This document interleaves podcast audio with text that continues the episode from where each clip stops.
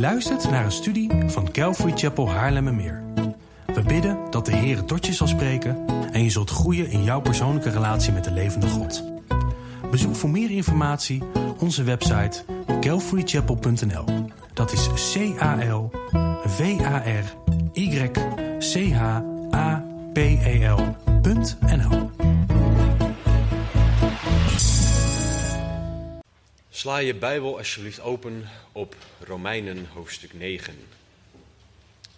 We zijn alweer flink wat zondagen bezig met Romeinen. We, zijn, we zullen ook nog wel een paar zondagen bezig zijn met Romeinen 9. Ik ga mijn best doen om het minder lang te maken dan Romeinen 8. Maar ehm, het is een hoofdstuk waarbij we echt goed moeten graven in de bredere context van het woord. Om te begrijpen wat God wil zeggen. En vorige keer dat we naar Romeinen 9 hebben gekeken, hebben we gezien dat Israël uitverkoren is door God. Dat was zo, dat is zo en dat zal niet veranderen, want God verandert niet. En we hebben gezien dat die uitverkiezing door God, dat die niet gelijk staat aan de redding van Israël. Want in vers 6 wordt er gesproken over dat niet allen die uitgekozen zijn het echte Israël zijn. Dus we zien dat God Israël uitkoos als volk, terwijl individuen uit dat volk alleen maar het echte Israël waren. En God is een zaak aan het maken door de hand van Paulus heen om zijn trouw over zijn volk te laten zien.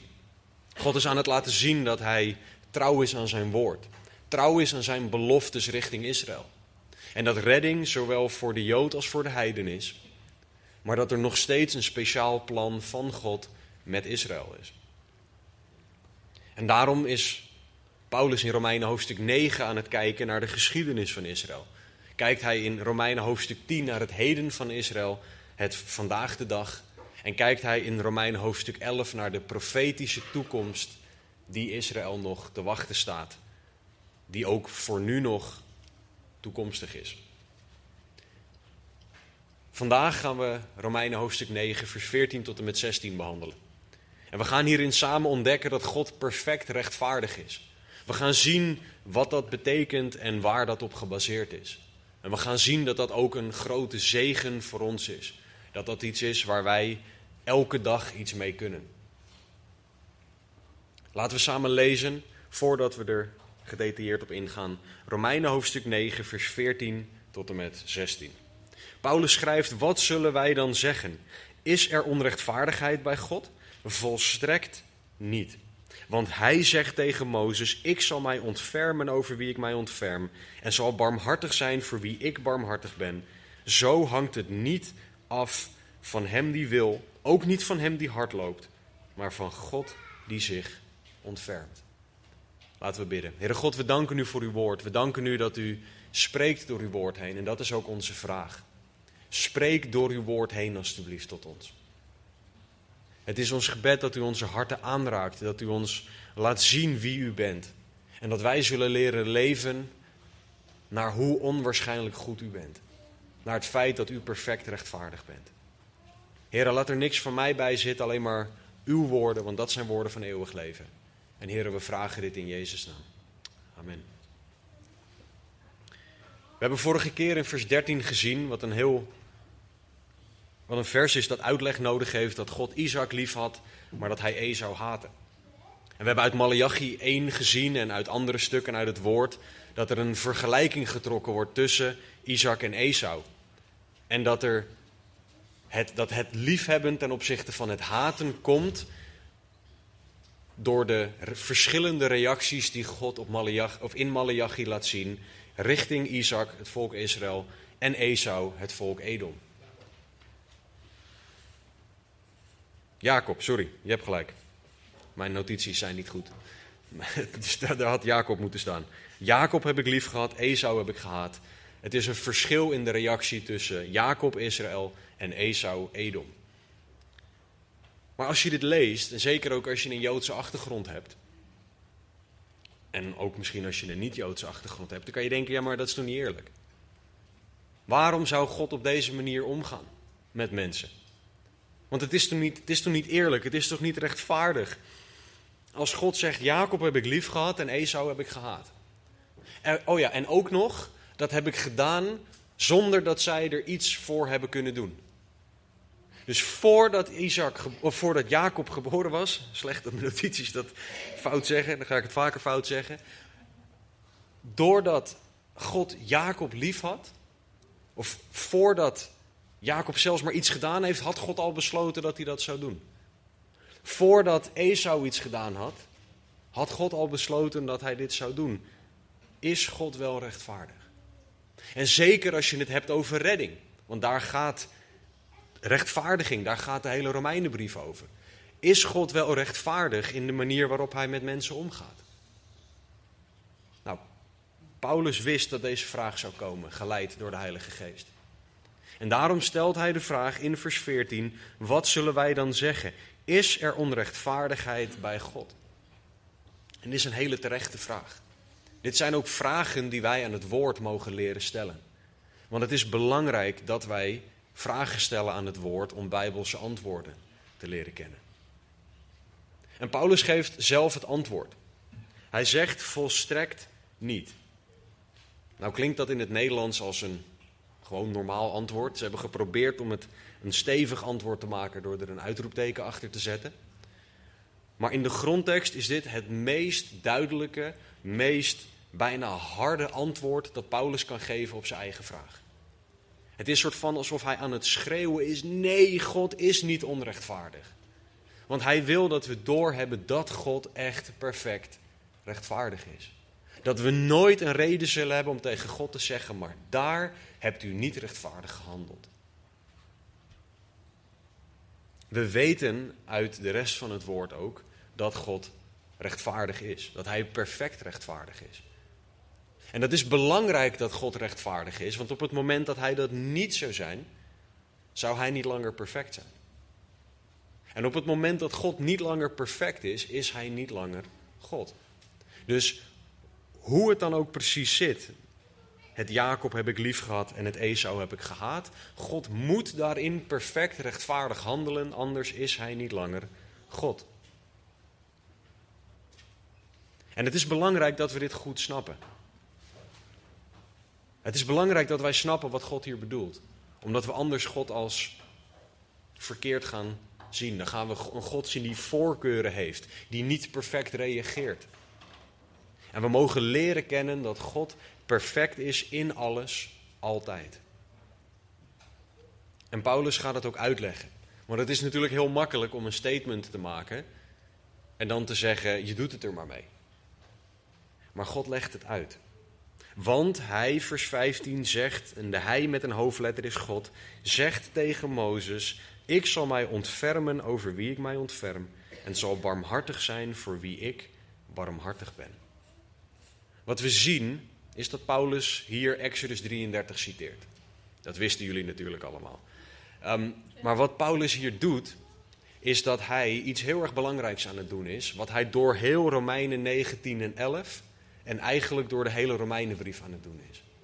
Hij is aan het onderbouwen dat ons geloof gebaseerd is op het Oude Testament. En niet op iets wat door mensen bedacht is. Hij laat zien dat wat wij geloven op een stevig fundament staat en niet op wat wij zelf denken. Dat het christendom niet een soort compleet nieuw iets is ten opzichte van het jodendom. Nee, wat wij geloven is gebaseerd op het Oude Testament en heeft daar zijn fundament. Dus wat Paulus citeert is een stuk uit Exodus 33. Mozes had hier net, een paar versen ervoor, gevraagd: Heer, toon mij uw heerlijkheid. Laat mij zien wie u bent. En Gods antwoord was: Ik zal mijn goedheid aan jou voorbij laten gaan. En hij zegt: Ik zal mijn naam aan jou uitspreken. Dat doet hij in Exodus 34.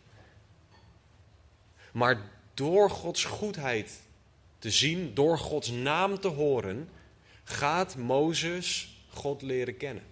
Gaat Mozes zien wie God is en gaat hij het antwoord krijgen op de vraag: Toon mij toch uw heerlijkheid. En een onderdeel van Gods antwoord, voordat hij zichzelf letterlijk aan Mozes laat zien, is: Ik zal mij ontfermen over wie ik mij ontferm en zal barmhartig zijn voor wie ik barmhartig ben. Dat is de God die zich aan Mozes ging openbaren. Dat is de God waar we het hier over hebben. De God die van Israël houdt, die van de niet-Joden houdt en die wil dat zij tot geloof komen. Bijbelcommentator Lloyd Jones heeft het volgende gezegd over dit stuk. Dat God, wat, wat God hier tegen Mozes zegt. Hij zegt, ik zal neerbukken naar jouw zwakte. En dat is vanuit Gods perspectief. Ik zal je iets laten zien, maar veel belangrijker dan dat. Ik zal mijn goedheid aan je voorbij laten gaan. Dat zal je een dieper inzicht in en begrip geven over mijzelf, over mijn karakter, over wie ik ben. Dat is wat je echt moet weten. Einde citaat. Dit is niet zomaar dat God dit doet. Het is niet dat God zoiets had van, oh dat vind ik eigenlijk wel een leuke vraag, daar had ik niet aan gedacht. Nou ja, laat ik mezelf maar eens aan je laten zien. Nee, dit was echt iets heel erg belangrijks. Want Mozes was degene die moest doorgeven aan het volk wat hij van God gehoord had. En daardoor kon hij doorgeven wie God was. En kon de rest van het volk ook daardoor God beter leren kennen. En een onderdeel van het kennen van God, zegt God zelf, is zien dat Hij bepaalt wat Hij geeft en aan wie Hij het geeft. Want Hij zegt, ik zal mij ontfermen over wie ik mij ontferm. En ik zal barmhartig zijn voor wie ik barmhartig ben. Maar hoe beantwoordt dat nou de vraag of God rechtvaardig is of niet? Nou, het woord barmhartigheid is hier heel erg belangrijk. Het is een woord dat we niet alle dagen meer gebruiken, maar wat heel erg belangrijk is voor ons. Want waar genade betekent dat je iets wel krijgt wat je niet verdient, betekent barmhartigheid dat je iets niet krijgt wat je wel verdient. Dat is de technische definitie. En dat is wat God uitstort over de mens. God kiest ervoor om ons iets niet te geven wat we wel verdienen. God is degene die zich openbaart aan de mens. En hij kiest ervoor, terwijl wij het verdienen om dingen van hem te ontvangen die we eigenlijk niet zouden willen ontvangen, kiest hij ervoor om ontferming over ons uit te storten. Terwijl wij iets heel anders van hem verdienen. Wij hebben geen recht op deze goedheid van God. Want waar wij recht op hebben van God, is een oordeel. Omdat wij zondaars zijn die Gods wet overtreden. Wij verdienen het niet dat God zich ontfermt over ons. Wij kunnen ons niet beroepen op ik ben nu goed genoeg, dus daarom moet u zich over mij ontfermen. Dit is automatisch iets dat wij niet verdienen. Dus niemand kan zeggen ik heb dit verdiend, dus nu moet u dit aan mij geven, God. Het is altijd dat God dit geeft op basis van iets dat wij, van een reden die niet in ons is. Het is niet zo dat wij zo schattig waren dat God dacht, nou, dan moet ik wel nu mijn ontferming uitstorten. Dat is niet wie God is. God zal geven wat hij wil aan wie hij het wil. En in zijn geven zal hij perfect rechtvaardig zijn. Want God kan alleen rechtvaardig handelen. Het is ook Gods rechtvaardigheid dat hij op deze manier naar ons handelt. In zijn perfecte rechtvaardigheid zal hij zich ontfermen en zal hij barmhartigheid betonen. En hij zal dit doen als soeverein God. En vers 16 zegt: Zo hangt het dan ook niet af van hem die wil, ook niet van hem die hard loopt, maar van God die zich ontfermt. Er was niks in Jacob en Esau dat aanleiding gaf om de een wel en de ander niet te kiezen. Het was God die ervoor koos om zich te ontfermen, om barmhartigheid te betonen. Het was God die ervoor koos om iets wel of iets niet te geven. Maar we mogen weten dat dezelfde God die dit doet, de God is over wie er in Psalm 11 het volgende staat. Psalm 11, vers 4 tot en met 7. De Heere is in zijn heilige paleis. De troon van de Heere staat in de hemel. Zijn ogen doorzien, zijn blikken beproeven de mensenkinderen. De Heere beproeft de rechtvaardige, maar zijn ziel haat de goddeloze en wie geweld lief heeft. Hij zal op de goddeloze valstrikken vuur en zwavel doen regenen. Een verschroeiende stormwind zal het deel van hun beker zijn, want de Heere is rechtvaardig. Hij heeft rechtvaardige daden lief. De oprechten zullen zijn aangezicht aanschouwen. God zal altijd rechtvaardig handelen. Naar wie dan ook, altijd in elke situatie. We weten dat God alles ziet, zegt Psalm 11. En omdat Hij alles weet en alles ziet, zal Hij mensen geven wat past bij wie ze zijn en wat ze doen. Hij zal rechtvaardig handelen en daar kunnen we op bouwen. Dat God perfect zal handelen, altijd naar ieder mens. Hij zal de mens geven wat we niet verdienen en niet geven wat we wel verdienen.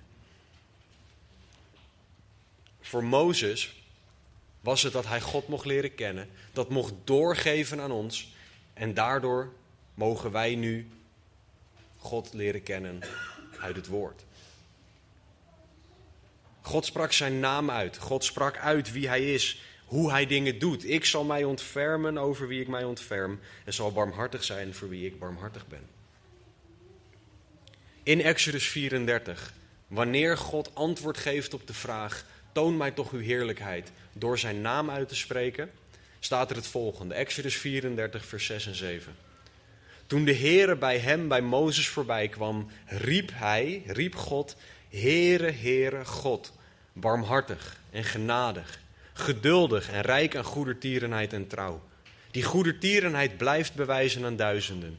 Die ongerechtigheid, overtreding en zonde vergeeft, maar die de schuldige zeker niet voor onschuldig houdt. En de ongerechtigheid van de vaders vergeldt aan de kinderen en kleinkinderen tot in het derde en vierde geslacht. Dit wordt uitgelegd in Deuteronomium, Deuteronomium 5, vers 9 en 10. Daar wordt de wet wordt herhaald. U zult zich niet neerbuigen voor, daarvoor niet neerbuigen voor valse goden en die niet dienen, want ik, de Heere uw God, ben een naijverig God, die de misdaad van de vader vergeldt aan de kinderen en aan het derde en vierde geslacht van hen die mij haten, maar die barmhartigheid doet aan duizenden van hen die mij liefhebben en mijn geboden in acht nemen.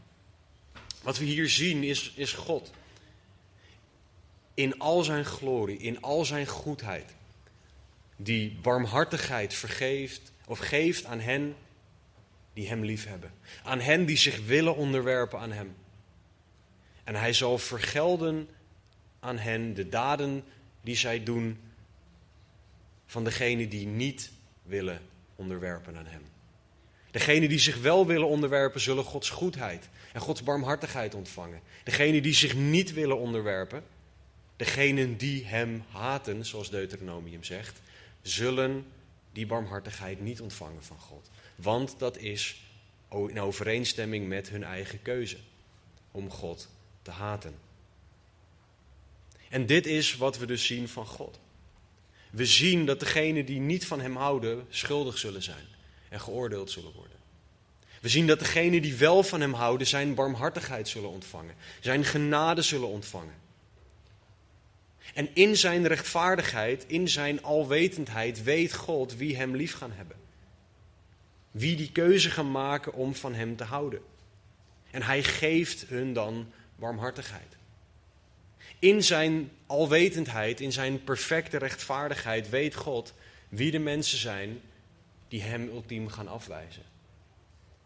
En daarom zal hij reageren naar hen zoals hij doet. En we mogen erop vertrouwen, op basis van het hele woord van God, dat Hij hierin perfect rechtvaardig is. Dat Hij hierin ultiem rechtvaardig zal handelen. Ook als wij misschien niet zien hoe dat eruit ziet. Maar we mogen daarop vertrouwen omdat Gods woord perfect is. In Romeinen 9 heeft Paulus het over Israël. En over dat God trouw is naar Israël. En dat Israël Gods uitverkoren volk is. Maar ook dat God rechtvaardig zal handelen naar Israël als zijn volk. En hij zal dus rechtvaardig naar hun handelen. En we weten dat Israël een volk is dat veel passie en toewijding heeft. Want dat staat in Romeinen 10, vers 1 tot en met 3. Paulus schrijft daar, broeders, de oprechte wens van mijn hart en mijn gebed tot God voor Israël is gericht op hun zaligheid.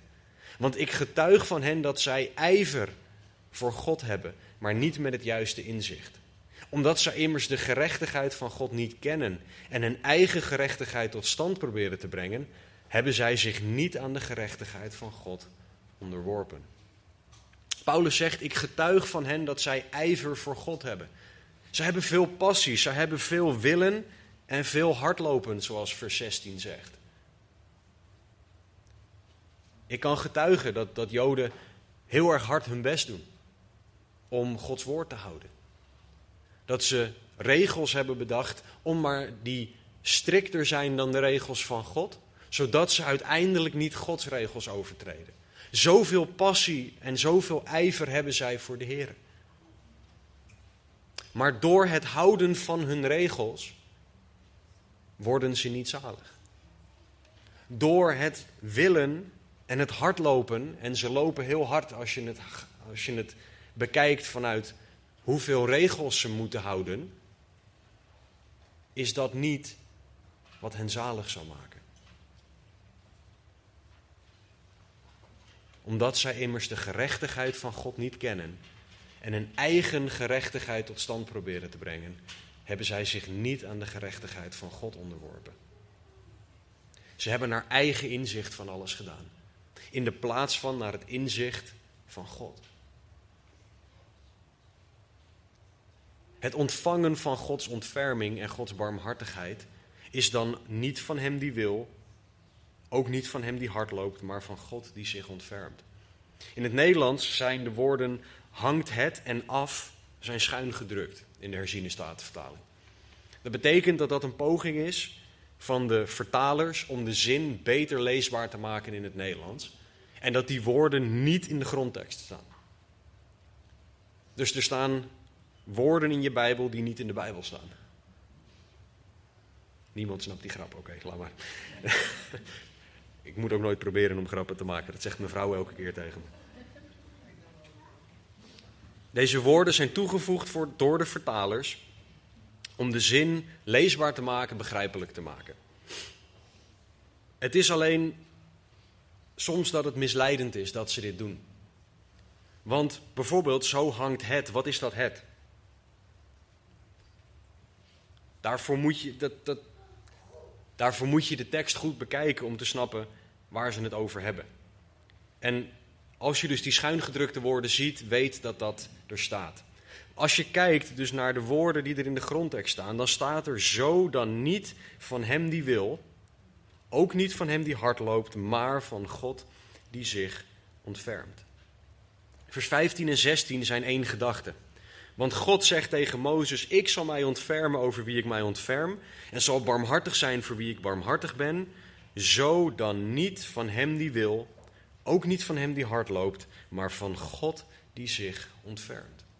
Gods ontferming, Gods barmhartigheid zijn niet van hem die wil of van hem die hard loopt. Het is niet als je het maar hard genoeg wil en als je maar hard genoeg je best doet, dat je dan Gods ontferming en Gods barmhartigheid krijgt. Want dan zou je opeens die rechtvaardigheid zelf kunnen verdienen. God doet rechtvaardig in complete overeenstemming met wie, met wie hij is het volgende. Hij geeft zijn ontferming en zijn barmhartigheid aan degenen die hij wil. En waar mogen we dan op staan? Nou, dat God wil dat een ieder tot geloof komt. Daar kunnen we over lezen in 1 Timotheus 2. In 1 Timotheus 2 staat er dat hij wil dat allen tot geloof komen. En het woord allen betekent daar ook allen. Als je zou kijken naar de context, dan wordt daar gesproken over heersers en over mensen voor wie we moeten bidden. Sommige mensen willen daarvan maken dat het alle klassen mensen is. Maar als je dan de context volgt, dan zouden dus alleen klassenleiders gered moeten worden. Dus die, dat houdt geen stand. Daardoor kunnen we weten dat God wil dat allen tot bekering komen. Dus hij wil zijn ontferming en hij wil zijn barmhartigheid aan een ieder geven. Alleen niet iedereen staat klaar om dat te ontvangen. God weet wie zullen gaan geloven. De ontvangers van zijn ontferming en zijn barmhartigheid zijn degenen die geloven. Genesis 15:6 zegt over Abraham: Hij geloofde in de Here en die rekende hem dat tot gerechtigheid. Romeinen 4:5 Bij hem echter die niet werkt, maar die gelooft in hem die de goddeloze rechtvaardigt, wordt zijn geloof gerekend tot gerechtigheid. Geloof en werk worden hier tegenover elkaar gezet in Romeinen 4. Geloof en werk zijn niet hetzelfde. Geloof is wat rechtvaardigt. En dat is een reactie op Gods werk in onze harten, op de openbaring van God aan een ieder mens. Romeinen 3:28. Wij komen dus tot de slotsom dat de mens door het geloof gerechtvaardigd wordt zonder werken van de wet. Geloof is wat een mens rechtvaardigt. Geloof is wat, waardoor God zegt: Ik zal mij ontfermen over wie ik mij ontferm. En zal barmhartig zijn voor wie ik barmhartig ben. Zo dan niet van hem die wil, ook niet van hem die hard loopt, maar van God die zich ontfermt. Het zit in geloof. Het zit in je onderwerpen aan God. Jezus Christus als zoon van God aannemen. Dat is wat de mens redt. En voor de duidelijkheid, dit is niet iets wat uit jezelf komt. We weten, Johannes 6, 44. Niemand komt tot de Vader tenzij de Vader hem trekt. Dus God moet de mens trekken. Johannes 16, 8 leert dat de geest ons moet overtuigen van zonde, gerechtigheid en oordeel. Dat moet, want dat is Gods werk in ons. Maar wij hebben nog altijd de keuze om te geloven. Wij hebben nog altijd het feit dat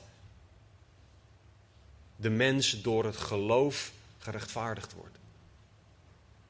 En dat dat geen werk is, maar dat het Gods werk in de mens is, waar wij op reageren. God geeft barmhartigheid en ontferming aan wie hij wil. En de God die zoveel van de wereld houdt dat hij zijn zoon gaf, dat is de God die dit doet.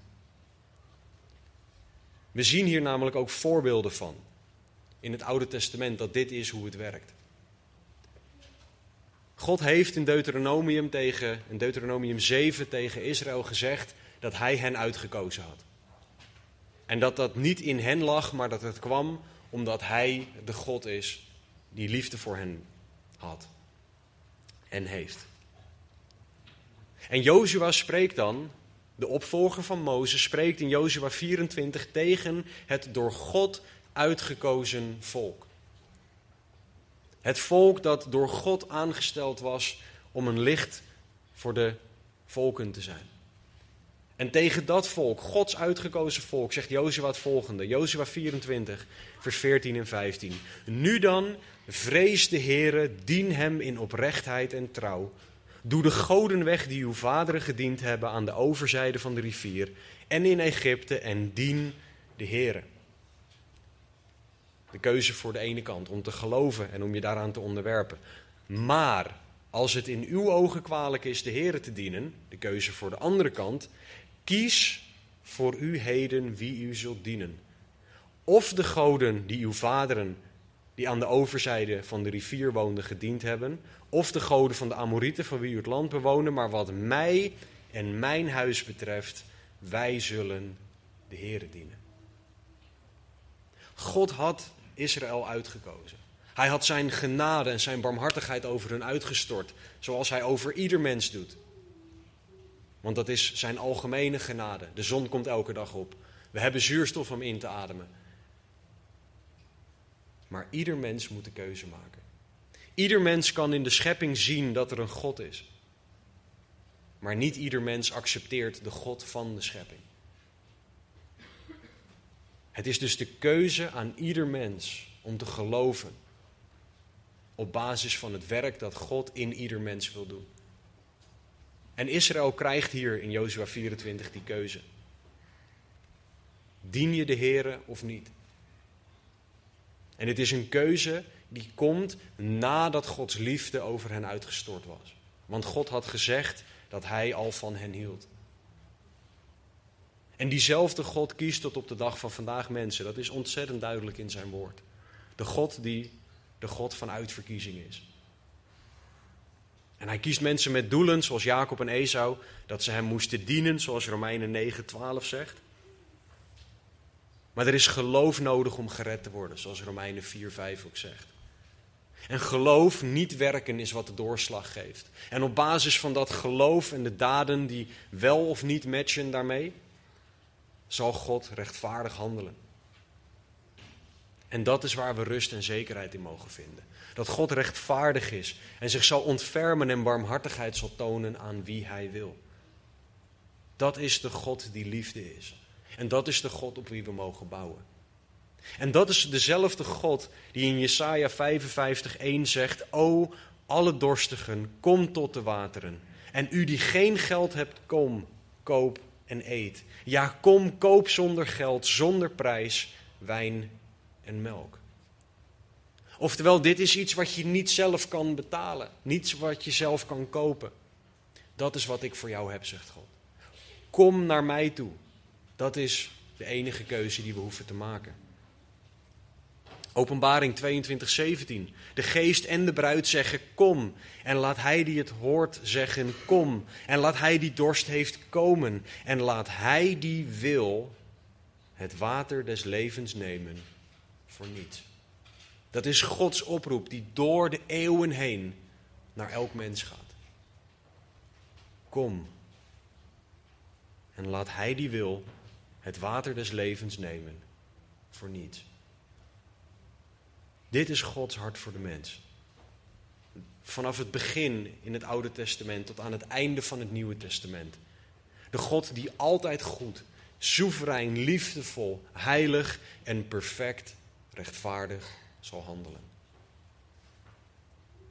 Spurgeon heeft gezegd: alle profeten uit de Bijbel, alle apostelen uit de Bijbel, alle dreigementen uit de Bijbel, alle beloftes uit de Bijbel verzamelen zichzelf en focussen op deze ene brandende oproep. Kom naar Jezus.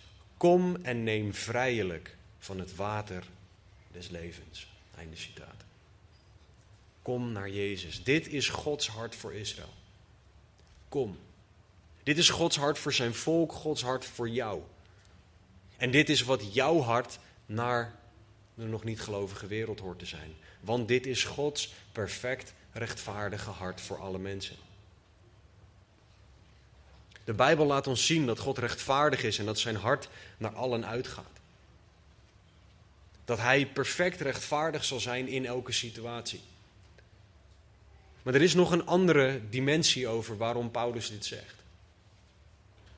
Paulus schreef deze brief rond 57 na Christus. Rond die tijd. Vanaf 54 na Christus regeerde er een keizer in Rome die Nero heette. Nero, en ook omdat we kinderen in de zaal hebben, zal ik niet te veel details geven. Maar laten we het erop houden dat Nero niet heel aardig was. En zijn niet heel aardig zijn uitte zich in de meest verschrikkelijke en afgrijzelijke christenvervolging die er in de geschiedenis zo'n beetje geweest is. Nogmaals, ik zal de details nu even achterwege laten, maar het was verschrikkelijk. Het was echt tart alle beschrijving wat deze man gedaan heeft. En Paulus schrijft een brief aan de christenen in Rome die onder keizer Nero zitten. Die zich kunnen afvragen, Heer, waar is uw rechtvaardigheid? In deze situatie, in deze pijn, in deze verschrikking die er nu op ons afkomt. Bent u wel rechtvaardig? Want ik zie het niet, hij mag maar doorgaan. En kijk wat er met mijn vrienden en familie gebeurt. Bent u wel rechtvaardig? We kunnen zo makkelijk voelen of, en daardoor het idee hebben dat God niet goed is. Dat God niet liefdevol is, dat God niet rechtvaardig is. voor de duidelijkheid, ons gevoel kan soms echt geleid door de geest gebruikt worden voor hele goede dingen. Maar ons gevoel kan ons ook de compleet verkeerde kant op sturen. Zeker als er pijn en vragen zijn. Als je een onrechtvaardig gevoel hebt bij dingen die er gebeuren. Als je moeite hebt met de dingen die er om je heen zijn. Dan kan je je afvragen, Heer, bent u wel rechtvaardig? En Paulus' antwoord is, is er onrechtvaardigheid bij God? Volstrekt niet. Door het gevoel van onrechtvaardigheid wil Satan één ding in je hart bereiken. Wat hele grote gevolgen heeft. En hij wil dat je gaat twijfelen aan God. Twijfelen aan God en aan zijn woord. Zoals je ook in Genesis al zag, heeft God echt gezegd. We, hij wil dat wij gaan twijfelen aan God. Aan Gods goedheid. Aan of zijn woord wel waar is. En ik wil met jullie naar een aantal dingen kijken die je kan doen om je ogen erop gericht te houden dat God rechtvaardig is. Want wat je situatie ook is, als jou het gevoel bekruipt dat God niet rechtvaardig is, dan heb je het nodig om jezelf terug te brengen bij het feit dat God rechtvaardig is. En het allereerste wat je kan doen, is God leren kennen. God beter leren kennen. En voor de duidelijkheid, dat is niet dingen over God weten. Dat is niet feiten kunnen opdreunen. Dat is God als persoon leren kennen door zijn woord heen. Jeremia 9, vers 23 en 24 zegt: Zo zegt de Heer: Laat een wijze zich niet beroemen op zijn wijsheid. Laat de held zich niet beroemen op zijn sterkte. En laat een rijke zich niet beroemen op zijn rijkdom. Maar laat wie zich beroemt, zich daarop beroemen dat hij begrijpt en mij kent dat ik de Heer ben, die goedertierenheid bewijs, recht en gerechtigheid op de aarde doe. Want in die dingen vind ik vreugde, spreekt de Heer. In alles, altijd zal God recht en gerechtigheid doen. Altijd, onveranderlijk, wat er ook gebeurt. Hoe jij je er ook over voelt. Wat jij ook denkt, dit is wie God is en dat is de God die we mogen leren kennen. Dus je mag in het woord gaan graven, je mag de Bijbel zelf lezen en God beter gaan leren kennen. God echt beter leren kennen doe je trouwens voornamelijk, een beetje 80-20, 90-10 regel, door zelf je Bijbel te lezen. Het luisteren van studies is heel erg belangrijk en is goed. Maar het meeste zal jij God beter leren kennen door zelf je Bijbel te lezen. Want dat is de tijd waarin God primair tot jou persoonlijk spreekt. Dus vervang alsjeblieft niet de tijd van zelf je Bijbel lezen door iets anders. En als jij dan God door zijn woord heen leert kennen, als jij gaat graven in zijn woord, dan heb je iets om op terug te vallen als je gevoel of je omstandigheden of mensen zeggen dat God niet rechtvaardig is. Dan heb je zijn woord om op terug te vallen. Onwankelbare waarheid.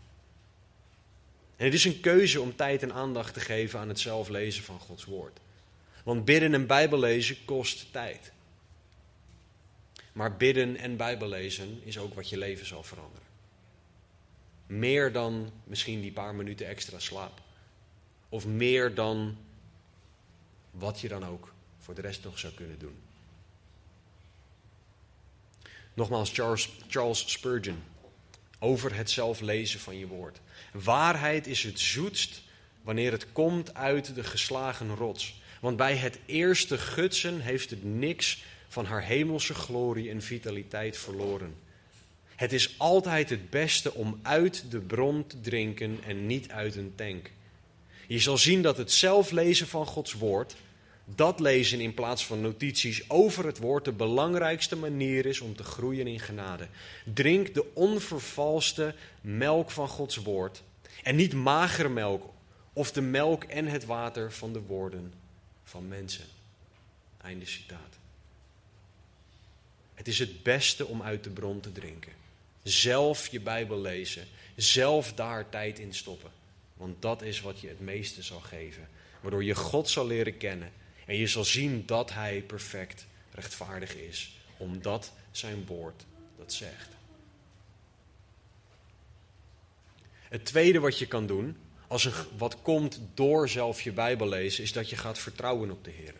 Spreuken 3 vers 5 zegt, vertrouw op de Heer met heel je hart en steun op je eigen inzicht niet.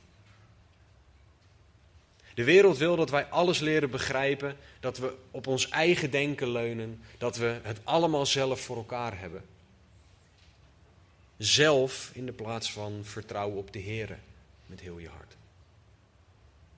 Toen Salomo deze spreuk opschreef, gebruikte hij het woord Heere met alleen maar hoofdletters. In het Oude Testament is dat de persoonlijke naam van God, Yahweh. Dat is de God die je mag vertrouwen. Niet iemand afstandelijk, maar iemand heel dichtbij. En hij is te vertrouwen. Iedereen in het woord die op God vertrouwt, wordt niet beschaamd. God is iemand die je perfect en volledig kan vertrouwen. En dat zal je gaan zien naarmate je Hem beter gaat leren kennen door Zijn woord heen. En dat is dus een keuze om op Hem te vertrouwen, juist ook als je gevoel iets anders zegt. Of als je omstandigheden ergens anders naartoe lijken te wijzen. Of als mensen zeggen van ja, maar God kan, hoe kan God nou hierin rechtvaardig zijn? Vertrouwen op God en op Zijn woord. Dat is wat je nodig hebt. En het derde wat je kan doen om te, jezelf blijvend te confronteren en meer te leren vertrouwen op Gods rechtvaardigheid, is je beseffen dat Gods wegen hoger zijn. Jesaja 55, vers 8 en 9. Want mijn gedachten zijn niet uw gedachten. En uw wegen zijn niet mijn wegen, spreekt de Heer. Want zoals de hemel hoger is dan de aarde, zo zijn mijn wegen hoger dan uw wegen. En mijn gedachten dan uw gedachten. Als jij God beter leert kennen door zijn woord heen. Als jij vertrouwt op God. Dan zal jij gaan zien dat Gods wegen hoger zijn. Ook als je situatie pijnlijk is. Als je situatie pijnlijker is dan dat je misschien duidelijk kan maken aan wie dan ook. Doordat je God bent gaan leren kennen, doordat je op Hem bent gaan vertrouwen, zal je weten: oké, Heer, U hebt hier een doel mee. Ik vertrouw op U. Pijn, vragen, zorgen, moeite, verlies, ze kunnen er allemaal voor zorgen dat wij uit het oog verliezen wie God is. En soms moeten we dan gewoon accepteren dat zijn wegen hoger zijn.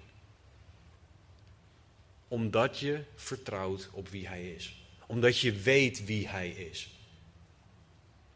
En soms moeten we accepteren dat Hij iets bedacht heeft dat goed, maar heel pijnlijk is. Paulus spreekt daarover in 2 Korinthe 12. Wanneer hij een doorn in het vlees heeft en we weten niet precies wat dat is. En Paulus vroeg drie keer aan God: haal het bij mij weg. En Gods antwoord was: Tuurlijk, Paulus, wat lief dat je dat vraagt. Nee, mijn genade is jou genoeg. Soms moeten we accepteren dat God lastige situaties toestaat. En dat wij niet zullen weten waarom. En je kan dan gaan proberen te vechten tegen God. Dat is heel ingewikkeld trouwens. Je ziet hem niet, dus dat is moeilijk om tegen te vechten. Je kan proberen boos te worden, schreeuwen tegen de lucht. Je kan allerlei andere dingen doen. Maar geen van die dingen gaat jou helpen. Je kan er ook voor kiezen om te vertrouwen dat zijn wegen hoger zijn, zelfs als jij zijn wegen niet ziet. God is perfect rechtvaardig. En als je Hem leert kennen, als je Hem leert vertrouwen, dan zal je dat gaan zien en zal dat zijn waar je je aan vasthoudt. Zelfs als je situatie iets heel anders zegt. De christenen in Rome moesten leren kennen en zien dat God rechtvaardig is in alles, ook in het redden van mensen. Want ze konden denken dat God klaar leek met Israël. Want niet alle Joden kwamen tot geloof. En er kwamen opeens allemaal heidenen. En wie dachten zij wel dat ze waren, omdat zij bij God konden komen? Maar iedere christen moet gaan leren inzien dat God barmhartig is voor en zich ontfermt over wie hij wil. En dat hij tegelijkertijd zegt, laat hij die wil komen. Openbaring 22, 17. Dus als jij nog niet gelooft, dan is Gods perfecte rechtvaardigheid, perfecte liefde er ook voor jou. Dan mag jij vandaag ook de keuze maken om te komen en te nemen van het water des levens. Dan mag jij geloven in Jezus Christus als zoon van God. Dan mag je beleiden dat jij een zondaar bent, zoals ik ook een zondaar ben. En dan mag je beleiden dat je zijn redding nodig hebt. En geloven in Jezus als zoon van God. En dat is wat het woord zegt, dat genoeg is om gered te worden. Christen, waar jij nu ook doorheen gaat, God is perfect rechtvaardig. In alles, altijd, Hij is perfect rechtvaardig. Vertrouw jij dan ook dat God rechtvaardig is? Vertrouw jij dat God rechtvaardig is in redding? En zet dat jou aan door het delen van je geloof, door het verkondigen van Gods woord, gelegen of ongelegen. Christen, ken jij God echt? Spendeer jij tijd met God om Hem echt te leren kennen zoals Hij is? Om Hem beter te leren kennen? Christen, vertrouw jij echt op Hem? Of alleen wanneer het goed gaat of wanneer jij het begrijpt? Christen, vertrouw jij dat zijn wegen hoger zijn, ook als dat betekent dat jij zijn wegen niet snapt? Christen, leef jij naar het feit dat God perfect rechtvaardig is of niet? Laten we bidden. Heere God, we danken u voor uw woord en we danken u bovenal voor wie u bent. We danken u dat we door uw woord heen mogen leren kennen wie u bent. Dat u de God bent die zich ontfermt over wie u wil en barmhartigheid toont naar wie u wil. En dat u daarin perfect rechtvaardig bent. Heer, we loven en we prijzen uw naam en we zijn u dankbaar dat u die God bent. Maar Heer, u weet ook dat we soms door situaties gaan waarin wij uit het oog verliezen dat u rechtvaardig bent. Heer, vergeef ons waar wij wantrouwen. Vergeef ons waar wij misschien niet meer geloven dat u nog wel rechtvaardig bent. Vergeef ons alstublieft dat u ons zoveel geeft en wij soms zo ondankbaar zijn. Breng ons alstublieft terug bij het feit dat u perfect rechtvaardig bent. Heer, voor een ieder die nog niet gelooft, laat hen zien dat u wil dat zij komen. En dat ze het niet zelf kunnen betalen. Maar dat ze alleen maar hoeven te geloven. Heren, breng mensen tot geloof op dit moment. Heren, doe wonderen alstublieft. Raak ons aan en heren, we vragen dat allemaal in Jezus' naam. Amen. De aanbiddingsteam zal zo naar voren komen en ons leiden in een drie, misschien vier liederen. We willen na de dienst wat meer tijd nemen om ook samen te bidden. Dus maak daar ook gebruik van. Want het is niet de vraag of je gebed wil, maar of je, of niet of je gebed nodig hebt, maar of je gebed wil. Want iedereen heeft gebed nodig. Dus als jij wil, loop naar een van de mensen achter in de zaal toe, die zullen een keycord om hebben. En bid met hen. Romeinen 15, 13 zegt: De God nu van de hoop mogen u vervullen met alle blijdschap en vrede in het geloven, opdat u overvloedig bent in de hoop door de kracht van de Heilige Geest. Ga met die God, die perfect rechtvaardige God, deze week in. En leef naar zijn wil, naar zijn standaard. Omdat hij God is. Wens jullie een gezegende week.